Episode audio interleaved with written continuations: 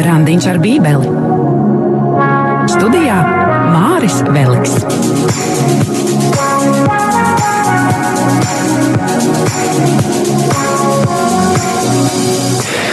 Vēlies labāk saprast svētos rakstus? Tavā draudzē nav Bībeles studiju pulciņa, bet tu vēlētos tādu apmeklēt? Tev ir vajadzīgs iedrošinājums Bībeles lasīšanām? Vai varbūt nevari atrast latviešu svēto rakstu komentārus? Ja tā, tu klausies īsto raidījumu. Esi sveicināts raidījumā Randiņš ar Bībeli pirmajā epizodē. Skanējumu sāk tavs neklātienes Bībeles studiju kurs audio formātā. Mans vārds ir Māris Veliks, un es būšu tavs savedējs Randiņā ar Bībeli raidījumā, kas veltīts secīgai un padziļinātai dažādu svēto rakstu grāmatu studēšanai. Randiņš ar Bībeli. Savedējs Māris Veliks.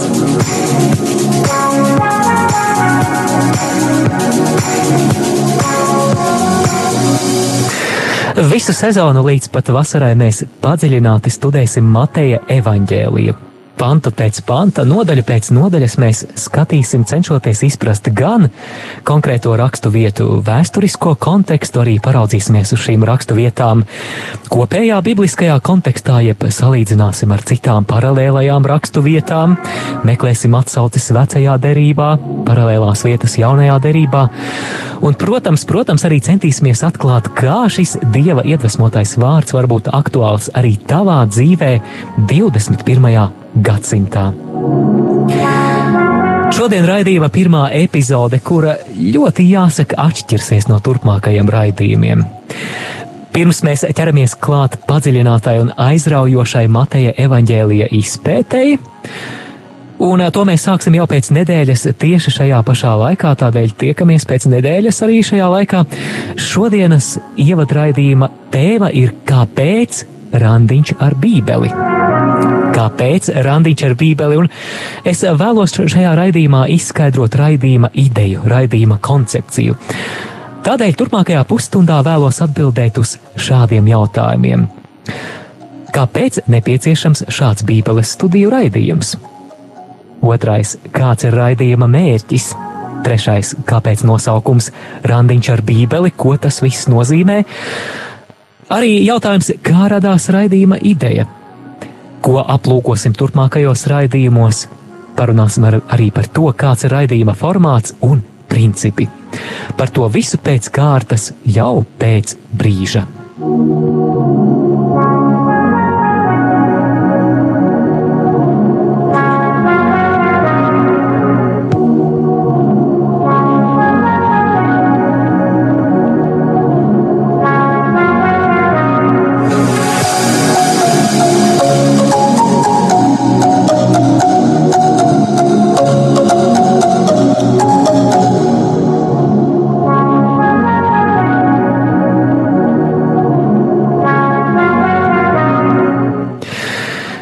Vispirms jautājums, kāpēc nepieciešams šāds Bībeles studiju raidījums ar nosaukumu Randiņš ar Bībeli. Parunāsim par raidījuma mērķi, kā es nonācu līdz idejai par šādu raidījumu. Iespējams, dārgo klausītāji, mans viedoklis varētu skanēt mazliet skarbi, bet nereti kristiešu vidē, un šeit es pārsvarā runāšu par brāļiem un māsām no manas paša konfesijas par katoļiem. Esmu novērojis tādas divas interesantas lietas saistībā ar Bībeles lasīšanu. Pirmā ir tā, ko varētu nosaukt par biblisko analfabētismu. Nu, citiem vārdiem sakot, mēs ļoti vāji jāatzīst pazīstam svētos rakstus.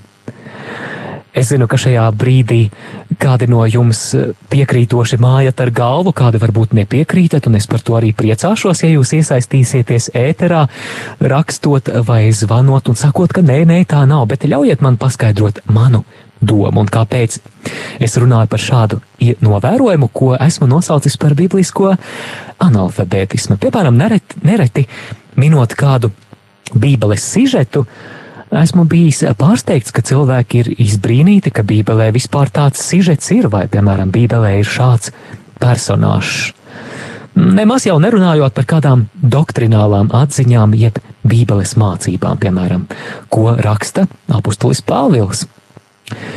Tāpēc droši varat man oponēt, ja nepiekrītat, bet mana iepriekšējā pieredze liek man domāt, ka, ja kādā katoļu draudzē pēc mises svētdiena lūgtu priesteris pacelt rokas tos, kuri vismaz reizi dzīvē ir izlasījuši jauno derību no sākuma līdz beigām, tad to cilvēku procents, kuri būtu to izdarījuši, manuprāt, būtu ārkārtīgi zems. Šeit es nemaz nerunāju par tiem no mums, kuri vismaz vienu reizi mūžā būtu izlasījuši arī veco derību. Un, lai tas neizskan kā kritika, arī es esmu bijis savulaik arī pēc pārliecības katolis, bet es bībeli nelasīju, par to es vēl pastāstīšu mazliet sīkāk, kā es sāku lasīt. Bet runa šeit nav par to, ka mēs izlasām jauno derību, lai varētu ievilkt tā, tādu ķeksīti mūsu dzīves biogrāfijā, ka mēs esam to izdarījuši vienkārši tāpat principa pēc. Manuprāt, runa, dārgo klausītāji, šeit ir par kaut ko daudz dziļāku. Proti, šī bībeles lasīšana un pazīšana skar mūsu ticību un mūsu attiecības ar Dievu. Proti, kā es varu uzskatīt sevi par Jēzus sekotāju, par Jēzus liecinieku, ja es viņu īsti necenšos iepazīt caur to, ko viņš par sevi ir atklājis savā vārdā. Šo domu, manuprāt, ļoti spoži izteica kāds 4. un 5. gadsimta 4. un 5. gadsimtā dzīvojošs dieva draugs, Svētais Hieronīms, kurš sacīja nepazīt svētos rakstus, nozīmē nepazīt Jēzu Kristu. Mazliet skarbi, vai ne? Tātad pirmā lieta ir bibliskais analfabētisms, jeb bībeles nezināšana. Es eh, vēlos, dārgo klausītāji, lai šis raidījums kalpo kā šīs situācijas risināšanas instruments. Otrā lieta, ko es esmu novērojis starp ticīgajiem, ir tas, ko es varētu nosaukt kā Bībeles lasīšanas kultūras trūkumu. Tātad Bībeles lasīšanas kultūras trūkums. Ļaujiet paskaidrot, ko tas nozīmē. Ar Bībeles lasīšanas kultūru es šeit saprotu tādu domāšanas veidu, kas uzsver svēto rakstu lasīšanas nozīmi, veidojot attiecības ar Dievu. Tā nozīmē arī zināmu regularitāti Bībeles lasīšanā un ir saistīta arī kaut kādām, ar kaut kādām elementārām iemaņām, kā to darīt. Tātad vēlreiz Bībeles lasīšanas kultūra, manuprāt, raksturo trīs lietas. Pirmais - apziņa par Bībeles lasīšanas svarīgumu garīgajā dzīvē, otrais - regularitāte Dieva vārda lasīšanā, un trešais - arī elementāras iemaņas, kā to darīt. Arī šeit, dārgo klausītāji, vari droši oponēt. Es tikai priecāšos, ja atsūtīsi kādu īziņu vai e-pastu, bet nereti esmu novērojis šīs Bībeles lasīšanas kultūras trūkumu. Un eh, kas tad raksturo šo trūkumu, kas man liek izdarīt šādus secinājumus? Nu, piemēram, tādi aizbildinājumi, kā Bībele ir pārāk sarežģīta. Vai, piemēram, Es mēģināju lasīt Bībeli, bet iesprūdu. Piemēram, daudz iesprūst, lasot veco derību, otrās mūzes grāmatas otrajā nodaļā, kur jau sākas sīks apraksts par derības telts taisīšanu. Vai, piemēram, Vai tad uh, nepietiek, ka es uh, svētdien dzirdu evaņģēliju baznīcā, kāpēc man vēl būtu kaut kas papildus jālasa? Šo bībeles kultūras trūkumu arī raksturo regularitātes trūkums lasīšanā. Tas nav tā, ka kristieši vispār nebūtu lasījuši bībeli, bet uh, trūkst šīs regularitātes sistēmas. Tā ir drīzāk tāda nejaušība, šad un tad varbūt kaut ko atveru palasu. Un uh, vēl arī šo Bībeles lasīšanas kultūras trūkumu, manuprāt, raksturo iemaņu trūkums, kā to darīt. Piemēram, es nezinu, no kura gala sākt no kura gala bībeli atvērt, ar kuru grāmatu sākt, sākt ar jauno derību vai ar veco derību. Tātad eh, šīs divas lietas, eh, kuras eh, mani iedvesmo šāda raidījuma veidošanai - bibliskais analfabētisms un bībeles kultūras trūkums. Un šeit, darbie klausītāji, vēlētos atzīmēt, ka šis bibliskais analfabētisms un bībeles kultūras trūkums manuprāt, nav pašsaprotams normāls stāvoklis, par kuru mēs varētu sacīt, nu tā vienmēr ir bijis, un vai tad būtu būtiski kaut ko mainīt. Un te ir vērts ieklausīties tajā, uz ko mūs aicina baznīca saistībā ar svēto rakstu lasīšanu. Par to pēc brīža. Skan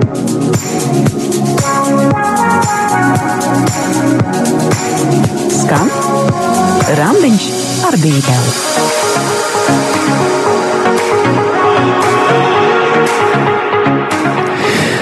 Lūk, uz ko mūs mudina baznīca dokumentā Dei Verbum, kas ir Vatikāna otrā koncila dogmatiskā konstitūcija par Dieva vārdu. Un šis ir tāds ļoti piesātināts teksts, tādēļ lūkšu jūsu uzmanību. Tur ir teikts tā, 21. paragrāfā.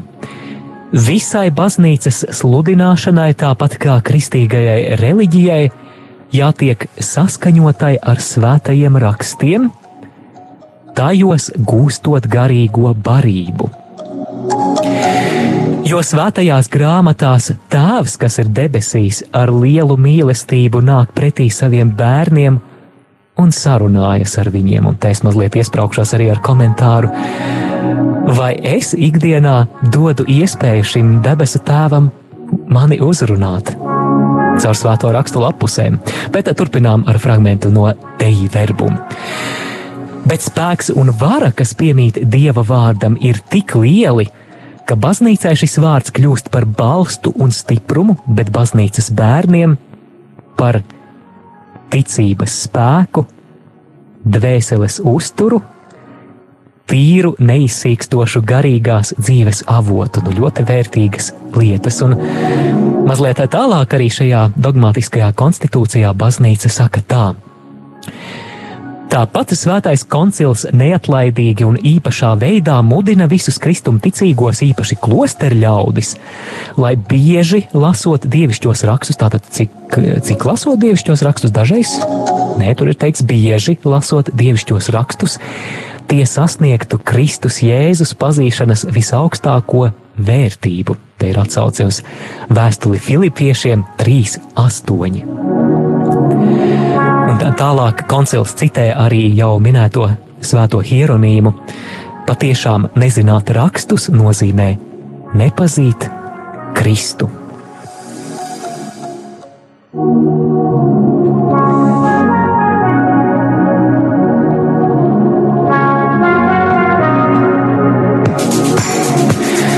Ņemot vērā iepriekš dzirdētos vārdus eh, no dogmatiskās konstitūcijas par dieva vārdu, deju verbumu. Tātad pēc tam, kad esam ieklausījušies tajā, uz ko mūs aicina baznīca, tātad bieži lasīt dievišķos rakstus, lai sasniegtu Kristus Jēzus pazīšanas visaugstāko vērtību, ņemot vērā to, e, mēģināsim iztēloties šādu situāciju. Tātad, dārgo klausītāji, interesanti, kā būtu, ja es jums sacītu, ka esmu labs katolis.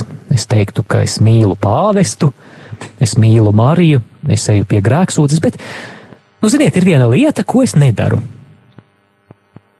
Nu, ir viena lieta, ko es nedaru. Svētdienās es neapmeklēju svēto misi. Nu, es arī nekad neadarēju. Esmu ļoti labs katolis, bet mise tas nav īsti priekš manis nu, īsti nav manā gaumē. Man tā ir grūti saprotama, varbūt pat garlaicīga šķiet.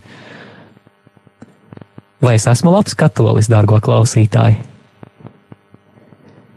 Es zinu, ka pie šādiem apgalvojumiem, pie radioaparātiem šobrīd es pieļauju, ka atskan pārliecinošs nē. Un atceroties, ko tad baznīca mūs, uz ko mūsu baznīca aicina šajā dogmatiskajā konstitūcijā Dei verbum, regulāri lasīt Dieva vārdu. Mm, mums diezgan ar to atzinumu, cik mēs esam labi katoļi, varētu būt problēmas, ja mēs nelasām Bībeli. 21. paragrāfā Deja verbum ir teikts, ka baznīca svētos rakstus vienmēr godinājusi, tāpat kā kunga miesu. Būsim godīgi, ka mēs, katoļi, esam ļoti pavirši pret šo baznīcas mudinājumu. Mēs nelasām un nepazīstam šo grāmatu. Es, protams, es negribu vispārināt. Es Nesaku to par tevi, klausītāji, ja tu lasi svētos rakstus ikdienā, un patiešām ir daudz ticīgo, kas ikdienā sevi baro ar šo tīro barību, ar dieva vārdu. Bet uh, kopumā jāatzīst, ka mūsu vidū ir daudzi, kuriem vēl dieva vārda atklāšana ir priekšā. Pāvests Francisks 2014. gada oktobrī pacēlis rokā Bībeli, uzrunāja ticīgos ar vārdiem, un es citēju. Tātad par Bībeli viņš saka, tā domāta nevis, lai to noliktu plauktā, bet gan, lai tā būtu rokā. Tā domāta, lai lasītu to bieži, katru dienu, vai nu individuāli vai grupās, vīrs un sieva, vecāki un bērni. Šādā veidā ģimene var virzīties uz priekšu ar dieva vārda gaismu un spēku. Vai šeit pāvests Francisks saka kaut ko pilnīgi jaunu? Nē, viņš atgādina to, uz ko baznīca mudina jau sen. Tātad, dārgo klausītāji, atbildot uz jautājumu, kāpēc nepieciešams šāds raidījums, sacīšu tā, tā ir atsaukšanās uz baznīcas mudinājumu iepazīt Kristu caur svētajiem rakstiem. Un mana lūkšana un manas ilgas ir, lai randiņš ar bībeli būtu instruments baznīcas rīcībā un dieva rokās, kas veicinātu jau minēto Bībeles lasīšanas kultūru un arī dziļāku izpratni par svētajiem rakstiem.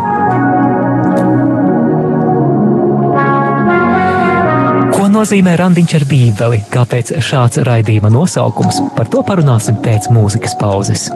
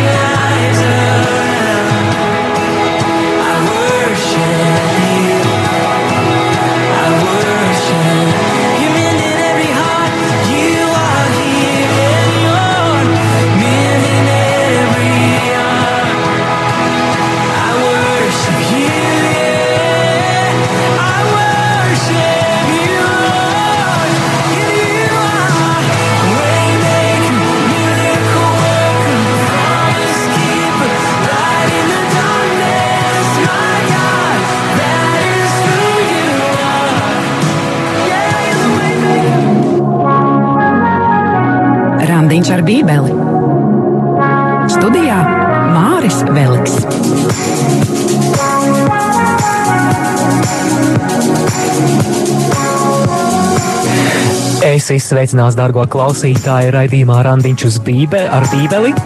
Tava neklātienes Bībeles studiju iespēja. Māris Veliks pie mikrofona, un, kā jau solīju, parunāsim par to, ko nozīmē randiņš ar Bībeli, kāpēc tieši šāds raidījuma nosaukums. Un par raidījuma nosaukumu paldies eh, manai kolēģei Judītei. Mēs te oficiālā sēdējām, un es runāju par to, ka jāizdomā topošajam raidījumam nosaukums, un Judīte ieminējās, ka varētu būt randiņš ar Bībeli. Es domāju, kāpēc gan ne? Randiņš ar Bībeli ir tāda mazliet neparasta vai tāds mazliet neparasts apzīmējums mūsu privātajam laikam ar Jēzu lasot svētos rakstus. Tātad randiņš ar Bībeli, saskaņā ar manu definīciju, ir tas mirklis, kad, piemēram, tu atvēli īpašu laiku, lai Dievs tevi uzrunātu caur savu vārdu. Tas var būt mirklis no rīta pirms dodies uz darbu, kad savā lūkšanu stūrī tu atver mieram tuvu un izlasi šīs dienas svēto rakstu lasījumus, ko baznīca piedāvā. Varbūt kādam no jums, dārgie klausītāji, tas var būt brīdis adorācijas kapelā, kad tev ir randiņš ar bībeli, kad no mugursomas tu izvelc savu nobružāto un daudz cietušo un iekrāsoto un pasvītroto bībeles eksemplāru un pavadi laiku lūkšanā ar Dieva vārdu. Randiņš ar bībeli var būt tavs laiks ar Dievu, kad steidzoties pa pilsētas ielām, tu ieslēdz audio bībeli telefonā un klausies svētos rakstus austiņās, ļaujot dievam caur to darboties. Randiņš ar Bībeli. Patiešām tik dažādi formāti, var būt tik dažādi konteksti, bet pāri visam tā ir tava tikšanās ar Jēzu caur svēto rakstu lasīšanu. Tātad šī raidījuma mērķis līdzās centieniem palīdzēt labāk saprast dažādas svēto rakstu grāmatas, ir arī dzen iedvesmot klausītājus uz privātu randiņu ar Bībeli ikdienā. Un tepat nav būtiskas nozīmes, vai tie ir tikai daži svēto rakstu panti ikdienā, vai arī pāris nodaļas, kas var vairāk paņemt. Katrs var izvēlēties pēc savām iespējām, bet Nozīme te ir tam, vai mēs ļaujam Dievam mūs pabarot ar tīru un vērtīgu barību, ar Dieva vārdu. Atcerēsimies vārdus no Mateja evaņģēlija 4. nodaļas 4. pantu. Ne no maizes vien cilvēks dzīvo, bet no katra vārda, kas iziet no Dieva mutes.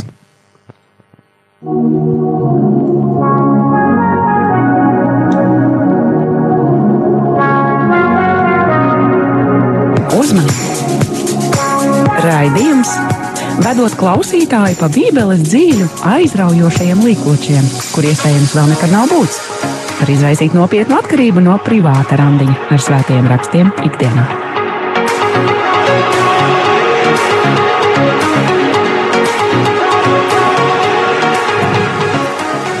Skan raidījuma randiņš ar bībeli ievad, ievad epizode, kurā mēs runājam par pašu raidījuma būtību. Atgādinu, ka jau no nākamās nedēļas mēs padziļināti sāksim studēt Mateja evaņģēliju, bet eh, vispirms tā vispārīgāk un iepazīstoties. Un, dārgo klausītāji, vēlos arī tevi iesaistīt ēterā. Tāpēc ļoti, ļoti priecāšos, ja šajā pirmajā vēsturiskajā raidījumā uzrakstīsi, kā izskatās tavi randiņi ar bībeli kāda ir tava randiņu ar Bībeli pieredze, un varbūt eh, kura ir tava mīļākā vieta un laiks, kur lasīt Bībeli. Tātad vēlreiz, kā izskatās tavi randiņi ar Bībeli, un kura ir tava mīļākā vieta un laiks, kur lasīt Bībeli. Lūk, arī kontaktinformācijas studijām. Iesaisties ēterā, zvanot uz studijas tālruni 67 969 131 vai rakstot īsiņu uz numuru 266, 77, 272. Izmanto arī e-pasta iespēju Studija at rml.lv.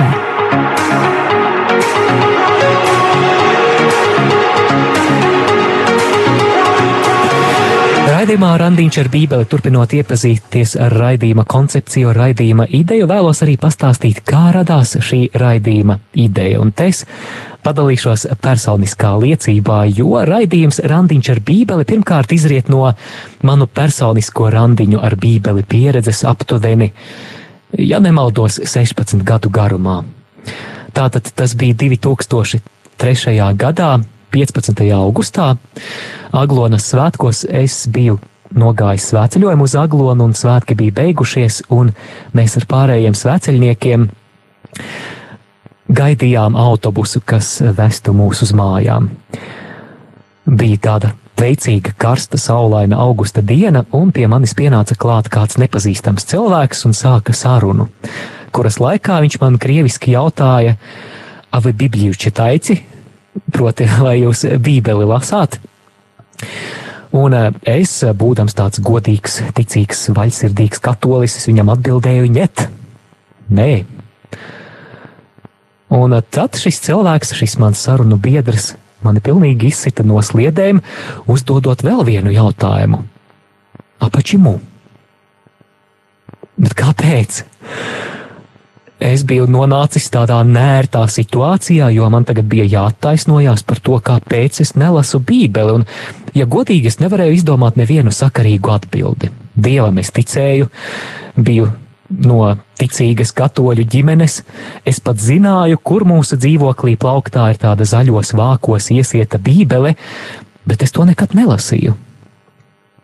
Tā nu šī nērtā saruna kaut, kaut kā beidzās, es pat neatceros, kā tā beidzās, bet uh, šis jautājums pačimu, kāpēc, palika manā sirdī, un atgriežoties mājās, es domāju, ka jāatrod tā grāmata. Tā nu sākās mana pirmā iepazīšanās ar Bībeli. Sāku lasīt pirmo reizi, es izlasīju jauno derību, vairāk tādas e, ziņkārības pēc. Vienkārši man interesēja, kas tur ir, gribējās. Varbūt pat daļēji tāda ķeksīša pēc izlasīt Bībeli, lai skaitītos, ka es jauno derību esmu izlasījis. Bet kaut kas manī, kaut kas tajā visā mani ļoti uzrunāja, un tad es sāku lasīt jauno derību otro reizi. Un otrajā reizē es ievēroju, ka šis vārds, kuru es jau biju lasījis agrāk, sāk mani uzrunāt daudz dziļāk. Tā ka, dārgo klausītāji, nepadodies, ja pirmajā reizē šķiet, ka ir grūti lasīt. Un kopš tā laika es svētos rakstus lasu katru dienu, varbūt gadās kādi izņēmumi kādos ārkārtējos apstākļos, bet es cenšos Bībeli lasīt katru dienu un Daudzus gadus pēc kārtas, vismaz kādas desmit reizes es Bībeli esmu izlasījis gada laikā no vāka līdz vākam. Tas jau man ir kļuvis par tādu skaistu tradīciju, proti, 1. janvārī jaunā gada dienā sākt Bībeli lasīt ar radīšanas grāmatas pirmajām nodaļām, ar radīšanas stāstu, Ādams un Ieva, grēkā krišana. Un mans mērķis ir gada laikā izlasīt Bībeli tā, lai 31. decembrī, tad, kad tiek gaidīts atkal jaunais gads, tad, kad ir rosols bļodā un kāds dzirkstošs dzēriens glāzē, un tad, kad aiz loga ir salūti. Mans mērķis ir svinīgi noslēgt šo Bībeles lasīšanas maratonu ar Bībeles pēdējās grāmatas, jeb Jāņa atklāsmes grāmatas pēdējām nodaļām. Un to esmu darījis jau daudzus gadus, kā jau minēju, tās ir vismaz desmit reizes. Šobrīd, skatoties uz savu ticību, savām attiecībām ar Dievu, savu kalpošanu, es, es vispār nevaru iedomāties, kā tas viss varētu būt noticis bez regulāras svēto rakstu uzņemšanas ikdienā. Un lasot Bībeli ikdienā, un arī redzot, cik būtisku pamatu tā veido manā ticībā un manās attiecībās ar Dievu, Sen jau esmu arī jutis tādu aicinājumu iedvesmot savus brāļus un māsas Kristus šiem privātajiem randiņiem ar Bībeli. Proti, atklāt svētos rakstus kā nenovērtējamu dārgumu, ko Dievs ir uzticējis savai baznīcai. Es vēlos arī iedvesmot tevi, klausītāji, nepadoties Bībeles lasīšanā, saskaroties ar pirmajām grūtībām. Un tas nav noslēpums, ka Bībeles lasīšana nevienmēr ir viegla. Tomēr es esmu pārliecināts, ka tāds regulārs, ikdienišķs randiņš ar Bībeli vienmēr atmaksāsies. Tas ir viens no stūrakmeņiem tiem, kuri meklē Dievu. Un, protams, ņemot vērā nu pat teikto likumsakarīgi, ka jau sen sirdies arī jūtu ilgas vadīt Bībeles studijas. Vispirms es domāju, ka varētu piedāvāt kādu bībeles studiju iespēju kādā no draudzēm. Ik pa laikam apsvēru arī iespēju to darīt raidījuma formātā, tomēr allaž arī es aizpildinājos ar to, ka man nav laika. Esmu ļoti aizņemts un galu galā raidījuma vai lekcijas veidošana prasa rūpīgu gatavošanos un man tam nav laika. Bet eh, pēdējo grūdienu šī raidījuma, jeb eh, neklātienes Bībeles studiju veidošanā, saņēmu šovasar Marijas Kristīgās dzīves un evanģelizācijas skolas vasaras sesijā Jaunaglonā. Sveiciens visiem Marijas skolas dalībniekiem, ja kāds dzird. Es biju šovasar uzaicināts šajā vasaras sesijā novadīt divas lekcijas par Mateja evaņģēliju par kalnas prediķu un arī par desmito nodaļu. Un pēc šīm lekcijām Marijas skolas dalībnieki nāca klāt un jautāja, kāpēc radio Marija nav šāda raidījuma, kurā es skaidrotu svētos rakstus. Un īpaši paldies te Astrai no Gulbenes, paldies Astrai, ja tu šo raidījumu dzirdi, paldies! Ja tā var teikt, tu pieliki pēdējo pilienu, lai šis raidījums varētu sākties. Un Es to uzskatīju te jau par zīmi, ka Bībeles studiju raidījumam Randiņš ar Bībeli pienācis īstais laiks, un es to vairs nevaru un nedrīkstu atlikt.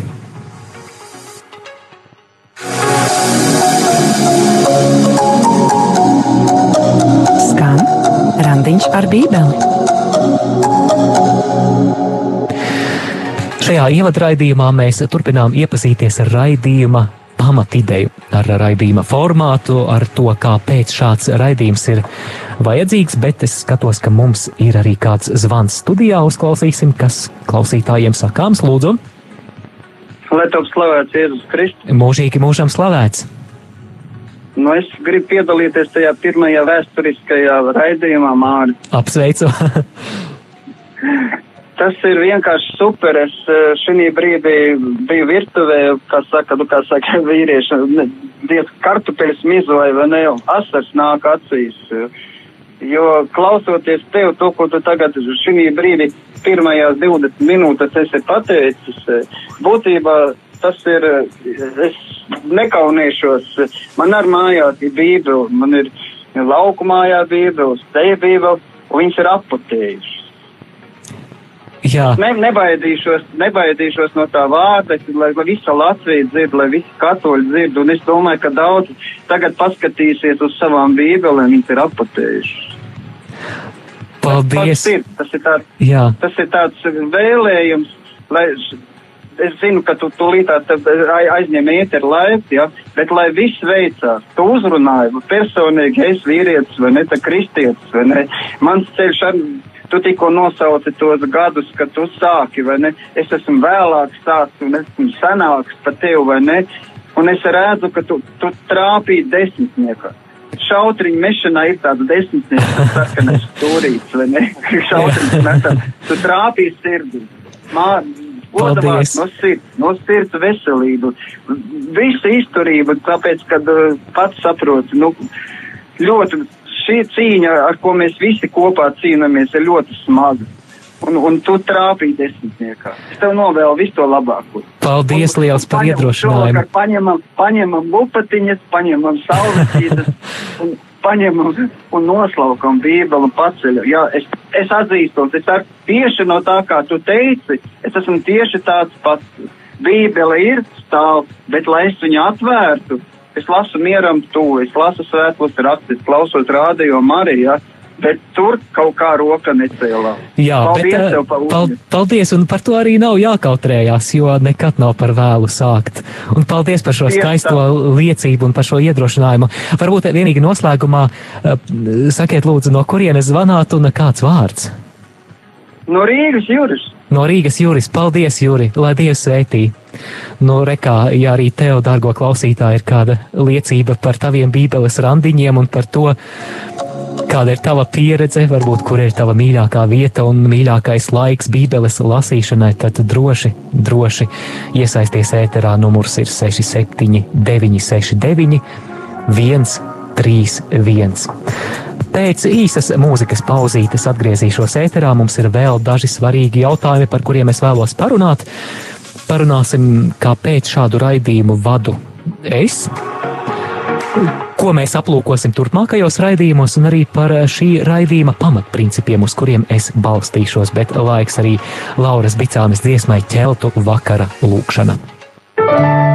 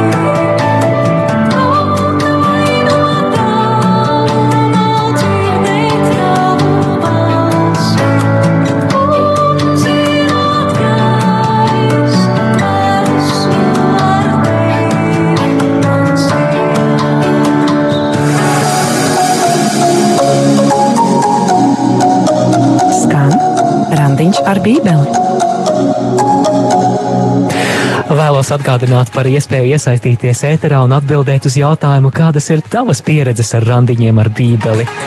Kur tev ir randiņš ar Bībeli, kurā laikā, vai no rīta vai vakarā, jebkas, ko tu vēlies padalīties par šo tēmu, tad droši, droši iesaisties un šeit arī mūsu ētera kontakta informācija. Iesaisties ēterā, zvanot uz studijas tālruni 67 969 131 vai rakstot īsiņu uz numuru 266, 77, 272. Izmanto arī e-pasta iespēju Studija at rml.lv.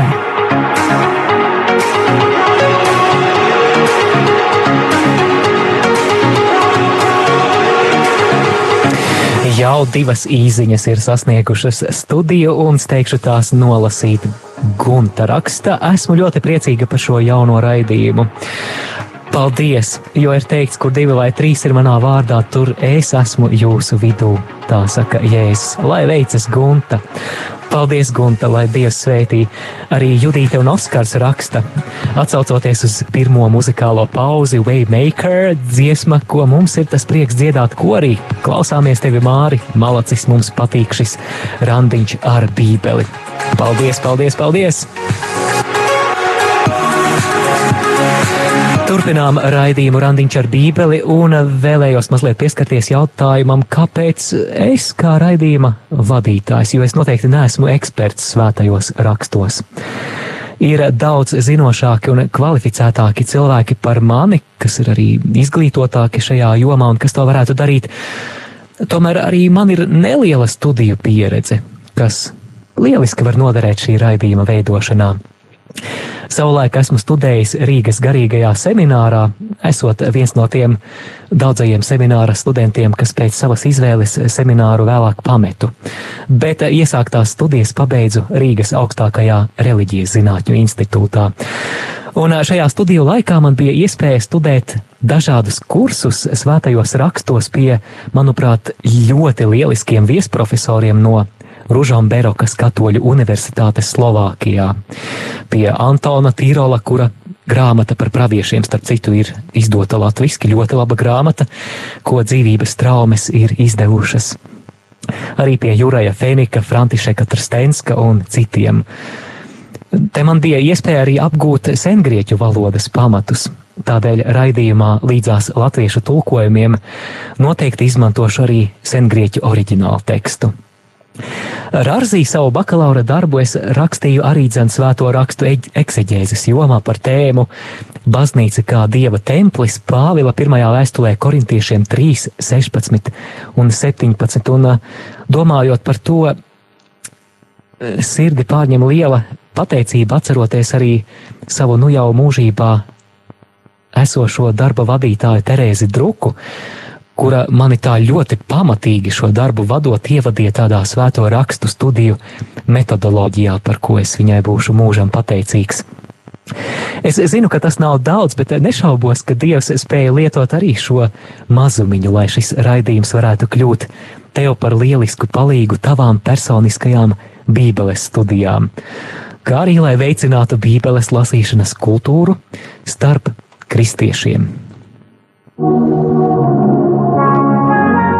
Randiņš ar Bībeli. Savedējs Māris Veliks.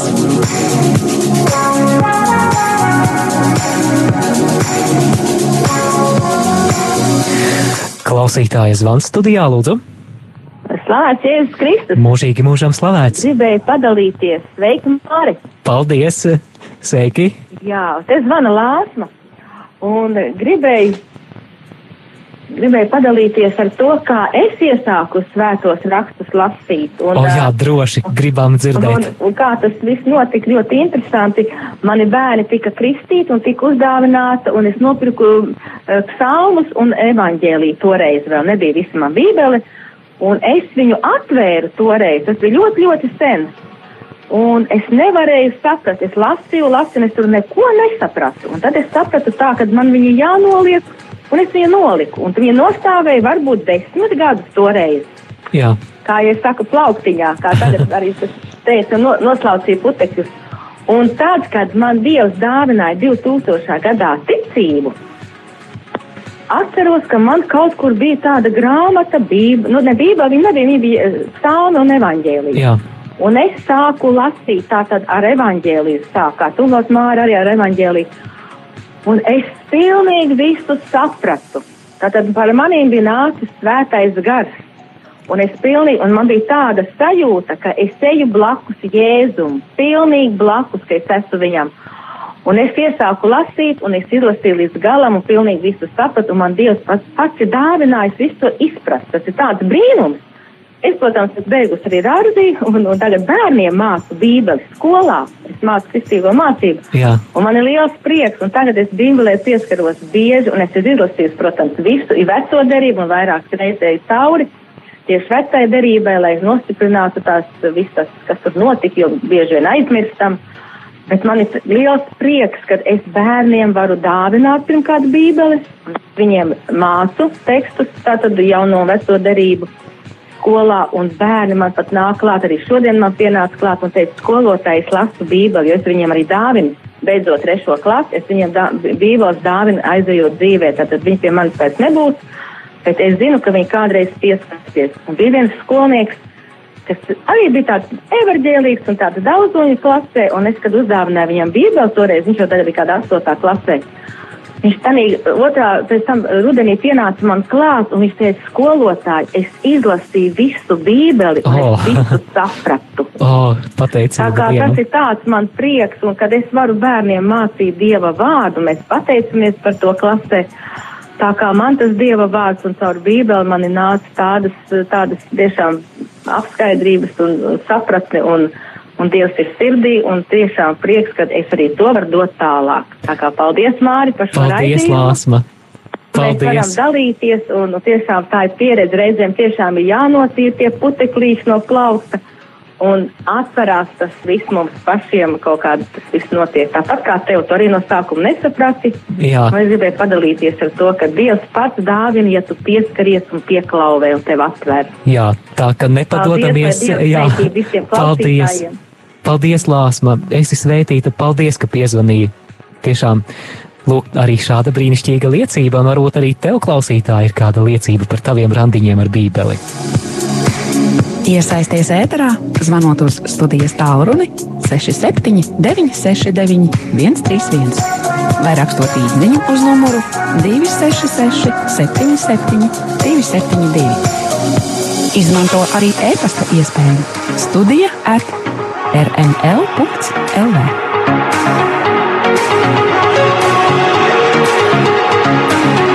Ko aplūkosim turpmākajos raidījumos? Jau biju minējis, ka šis ievadraidījums ir atšķirīgs no epizodēm, kuras dzirdēsiet turpmākajās nedēļās. Ja šodien vispārīgi runāju par raidījuma ideju un koncepciju, tad jau nākamnedēļ mēs sāksim studēt Mateja evaņģēliju. Pie Mateja evaņģēlija, ja, ja Dievs dos, mēs uzkavēsimies visu šo sezonu, sīki aplūkojot nodaļu pēc nodaļas. Un nākamajā raidījumā būs tāds vispārējs ievads Mateja evaņģēlijā. Mēs runāsim gan par Mateja evaņģēlija galvenajām teoloģiskajām tēmām, par autoru, par uzrakstīšanas iespējamo laiku un par grāmatas struktūru. Šovasar esmu iegādājies arī labas komentāru grāmatas angļu valodā par Mateja evaņģēliju un gatavojoties šīm mūsu kopīgajām bībeles studijām izmantošu šos vērtīgos avotus. Raidījums piekdienās pulkstene četros radio Marijai ēterā pārsvarā skanēs tiešraidē, tādēļ došu iespēju arī tev, klausītāji, šajās neklātienes Bībeles studijās iesaistīties ar saviem komentāriem, liecībām vai jautājumiem un Tā kā es pats studēšu Mateja evaņģēliju kopā ar tevi, ļoti iespējams, ka attiecīgajā raidījumā uz tavu jautājumu vēl nemācēšu atbildēt, bet noteikti sagatavošos un tad katrā nākamajā raidījumā arī veltīšu kādu ētera laiku, lai atbildētu uz jūsu jautājumiem, uz jūsu komentāriem. Un atgādinu, dārgo klausītāju, ka tev vēl ir iespēja uzrakstīt, kā izskatās tavi randiņi ar Bībeli, kura ir tava mīļākā vieta un laiks, kur lasīt Bībeli. Un raidījuma noslēgumā, kamēr mēs gaidām arī vēl kādu iesaisti no klausītājiem, vēlos arī padalīties tajā, kādi būs šī raidījuma pamatprincipi. Pirmais - svētie raksti kā dieva iedvesmots teksts. Mēs raidījumā svētos rakstus studēsim kā iedvesmotu dieva vārdu. Pirmajā vēstulē Timotejam 2.13 ir teikts, tāpēc mēs arī pastāvīgi pateicamies Dievam, ka jūs, uzklausījuši mūsu sludinātos Dieva vārdus, tos esat uzņēmuši nevis kā cilvēku, bet kā Dieva vārdus, kas tie patiesībā ir. Jo pats Dievs darbojas ar savu spēku jūsos, kas ticat. Mēs savās Bībeles studijās pielietosim arī tā saucamās vēsturiskās kritikas vai vēsturiskā kriticisma metodi, kas meklē teksta sākotnējo nozīmi oriģinālajā tekstā un tā burtisko nozīmi, kā arī tiecas rekonstruēt šo šo vēsturisko situāciju, kādā darbojās autors un darba adresāti, tomēr nemirkli mēs nezaudēsim skatu uz to, ka šis teksts ir svētā gara iedvesmots. Kā aiz šī vārda stāv Dievs, kurš ir izvēlējies sevi atklāt tev, atklāt uh, sevi man, atklāt mums cilvēkiem. Un Es eh, to minu tādēļ, ka vēsturiskās kritikas metode, kas attīstījās kopš 17. gadsimta, eh, nereti var arī atstāt mazliet novārtā šo aspektu, proti, šo dieva iedvesmotību. Kad tas tā notiek, tad eh, svēto rakstu tekstam mēs varam sākt tuvoties kā tādam preparējamam līķim, kuru mēs varam izpētīt sīkās detaļās, izpreparēt, bet palaist garām to dzīvā dieva elpu tajos.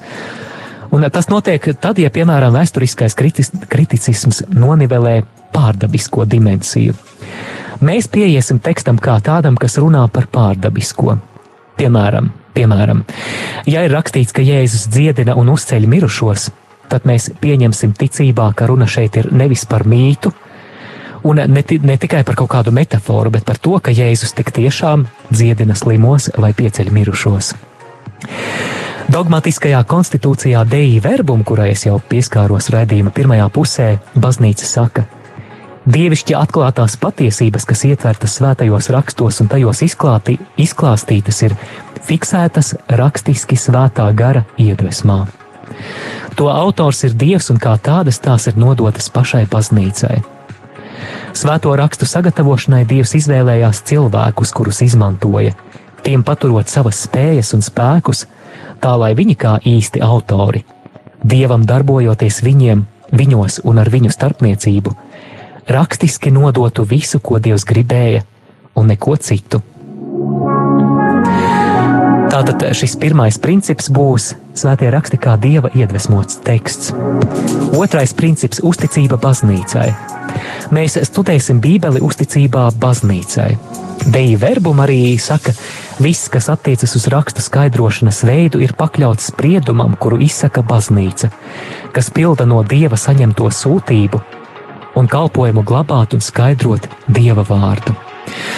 Tas, protams, nenozīmē, ka baznīca visas rakstu vietas un pilnīgi visu bībeli būtu ieslēgusi tādā vienā iespējamā stingrā skaidrojumā vai vienā interpretācijas veidā. Nē, patiesībā attiecībā uz vairumu tekstu baznīca ekseģēdiem jeb eh, Bībeles pētniekiem dot ļoti lielu brīvību. Tāpēc arī, pat, eh, ja mēs eh, lasām baznīcas tēvu komentārus, tad dažādi baznīcas tēvi vienai un tai pašai rakstu vietai var pieiet ļoti dažādi. Savukārt šī uzticība baznīcai šajā Bībeles studiju raidījumā izpaužās tajā, ka Es pakļaujos baznīcas spriedumam tajās lietās, kur baznīca ir definitīvi pasludinājusi konkrētu ticības patiesību. Piemēram, viens piemērs. Jēzus pēdējās vakariņas, kuras mēs arī studēsim Mateja evaņģēlijam, ejot cauri 26. nodaļā, Jēzus saka: ņemiet un ēdiet, tā ir mana miesa. Vai te Jēzus runā simboliski vai tieši? Vai tā ir Jēzus miesa? Un te mēs dažādu konfesiju kristiešu, kristieši savos skaidrojumos varam atšķirties, bet šajā raidījumā uz šo rakstu vietu es noteikti skatīšos caur katoliskās baznīcas kā mācītājas prizmu, uzsverot Jēzus reālo klātbūtni visvētākajā sakramentā. Tātad otrais princips ir uzticība baznīcai. Trešais princips - tiešā un garīgā nozīme. Studējot Bībeles grāmatas, mēs pievērsīsim uzmanību rakstu vietas tiešajai nozīmei un arī garīgajai nozīmei. Vispirms, protams, ir svarīgi izprast tiešo nozīmi, un tas ir primāri, ko grāmatas autors šeit ir gribējis pateikt sava laikmeta kontekstā. Bet uh, baznīca māca, ka tas nav vienīgais svēto rakstu līmenis, ka ir arī garīgās nozīmes, tās ir, tā ir morāliskā nozīme, tā ir alegoriskā nozīme vai anagoģiskā nozīme. Šobrīd nav laika pieskarties tam sīkāk, bet mēs meklēsim šo garīgo nozīmi. Un visbeidzot, pēdējais un svarīgais pīlārs vai princips ir meklēt, kā vārds attiecināms uz mūsu dzīves situāciju. Proti, mēģināsim arī rast kādu pielietojumu, kā šī rakstu vieta attiecas uz tevi un mani. Ko tas nozīmē vārda pielietojums, jeb, nu jā, jeb aplikācija, ja mēs svešvārdu izvēlamies? Pieņemt dieva patiesību un to īstenot savā dzīvē, Jo jāatzīst, ka ļaunais gars it nemaz nesatraucās, ja mēs vienkārši studējam Bībeli erudīcijas pēc. Ja vien mēs to nesākam pielietot savā dzīvē. Jēzus Jāņa evanģēlijā teica: Ja jūs to zināt, jūs esat laimīgi, ja vien to darāt. Mums nepietiek ar to, ka zinām Dieva vārdu. Mēs piedzīvojam svētību, ja mēs to izpildām. Arī apustulis Jēkabs savā vēstulē runā, ka cilvēks, kurš ir tikai vārda klausītājs, nevis darītājs, salīdzināms ar cilvēku, kurš palūkojās uz sevi spogulī un tūdaļ aizmirst, kāds izskatījās. Nu, iedomāsimies, tu pamosties no rīta, pienācis pie spoguļa no rīta izpūris, bet aizmirsti saķemmēties un tāds doties uz darbu. Tātad mēs esam aicināti būt par vārda darītājiem, pakļauties Dieva vārdam un to izpildīt. Tādēļ, studējot Bībeli, nepietiks, ja mēs tikai izpētīsim vārda tiešo un garīgo nozīmi. Lai kļūtu par vārda darītājiem, centīsimies arī saprast, kā šis vārds ir attiecināms uz šodienu, uz mūsu dzīvi. Ar to arī es, Māris Veliks, noslēdzu šīs dienas raidījumu Randiņš ar Bībeli pirmā vēsturiskā epizode, bet tiekamies šajā pašā laikā jau pēc nedēļas, lai pievērstos Mateja evaņģēlijam. Es esmu svētīts!